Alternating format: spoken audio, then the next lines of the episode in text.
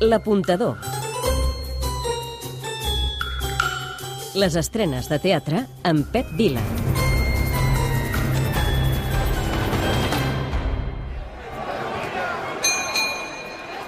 A principis del segle XX, Jack Johnson, un boxejador nord-americà, arriba a Barcelona. Es tracta del primer afroamericà que s'ha proclamat campió mundial de pesos pesats després de guanyar Jim Jeffries en l'anomenat El combat del segle, que aterra aquesta setmana a la Sala Beckett. L'aposta de l'apuntador. Tres motius per veure-la. El primer, Per la temàtica, és una victòria contra el racisme. Tot i això, Jack Johnson va pagar un preu alt pel seu triomf. Una sentència el va fer abandonar el seu país i a Barcelona el perseguiran els fantasmes del seu passat. El segon, Per l'autora i directora de l'obra, Denise Duncan, resident de la Beckett la passada temporada i responsable de títols com Negrata de merda, un text que ha traduït el molt versàtil Marc Rosic. el tercer, Home, a l'obra hi ha Armando Buica, Caral Albinyana, Andrea Ros i Yolanda Sicara.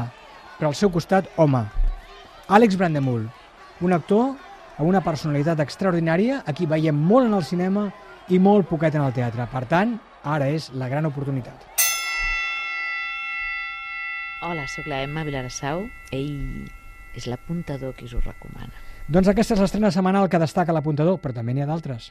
Avanço per la part més fina No s'ha fos, la gleba teatre, una experiència que ens confronta amb la naturalesa. Dirigida per Clara Mañós, aquesta obra combina música en directe, teatre i audiovisuals. L'espectador és transportat fins a Islàndia, un viatge metafòric inspirat en el viatge real que l'actriu i música Irene Hodar va fer en aquest país i que ha plasmat en 10 cançons inèdites, una d'elles sentim de fons, que reflexionen sobre la relació entre naturalesa, tecnologia, comportament humà i relacions. Per cert, aquesta obra té el suport de Sanitaris pels escenaris, una iniciativa que impulsen els metges que han donat la paga extraordinària rebuda amb motiu de la Covid-19 per ajudar als projectes artístics. No t'has demanat mai el percar de les barbes? El percar de les bous? Transbord, Acadèmia Teatre, la transexualitat des d'una perspectiva desacomplexada. Un jove trans visita el despatx d'una psiquiatra de la Seguretat Social perquè li diagnostiquin disfòria de gènere. I això ho necessita per poder canviar la seva identitat de gènere davant de les institucions de l'Estat i de la societat on viu, que encara el veu i de vegades el tracta com una dona. Aquesta obra planteja aquests dilemes. Què defineix si som homes o dones? Qui ho decideix? Hem de triar només entre aquestes dues opcions? A Sadegats, Biblioteca de Catalunya. Qui no s'ha despertat algun cop amb el buit a dintre? Reposa el muntatge d'Oriol Brogi, escrit per Weidi Mouabat i Benoit Vermeulen, amb Guillem Badar, Sergi Torrecilla i Carla Vilaró. Un text punyent, des de la mirada de tres adolescents ens preguntem pel sentit de la vida.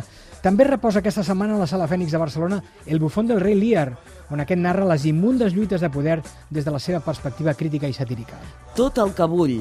Sala Badabadoc, dansa contemporània. Reflexió sobre les possibles versions que es creen d'un mateix cada vegada que prenem una decisió i de com aquestes versions ens acompanyen als llargs dels anys com a possibles vides paral·leles que podien haver existit. déu nhi També aquesta setmana hi ha el Festival Escena Poble Nou, aquest certamen de creació contemporània que porta ja 19 anys. Ens anima a anar-hi la seva directora, l'Ada Vilaró.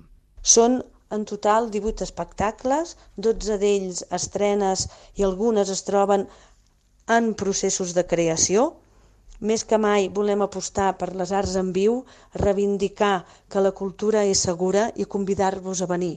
Per tant, tenim una cita a l'escena Poble Nou i també aquests dies cita al Festival Dansa't, al SAT, al Sant Andreu Teatre i també la Fira del Trapezi a Reus. l'apuntador. Les estrenes de teatre amb Pep Vila.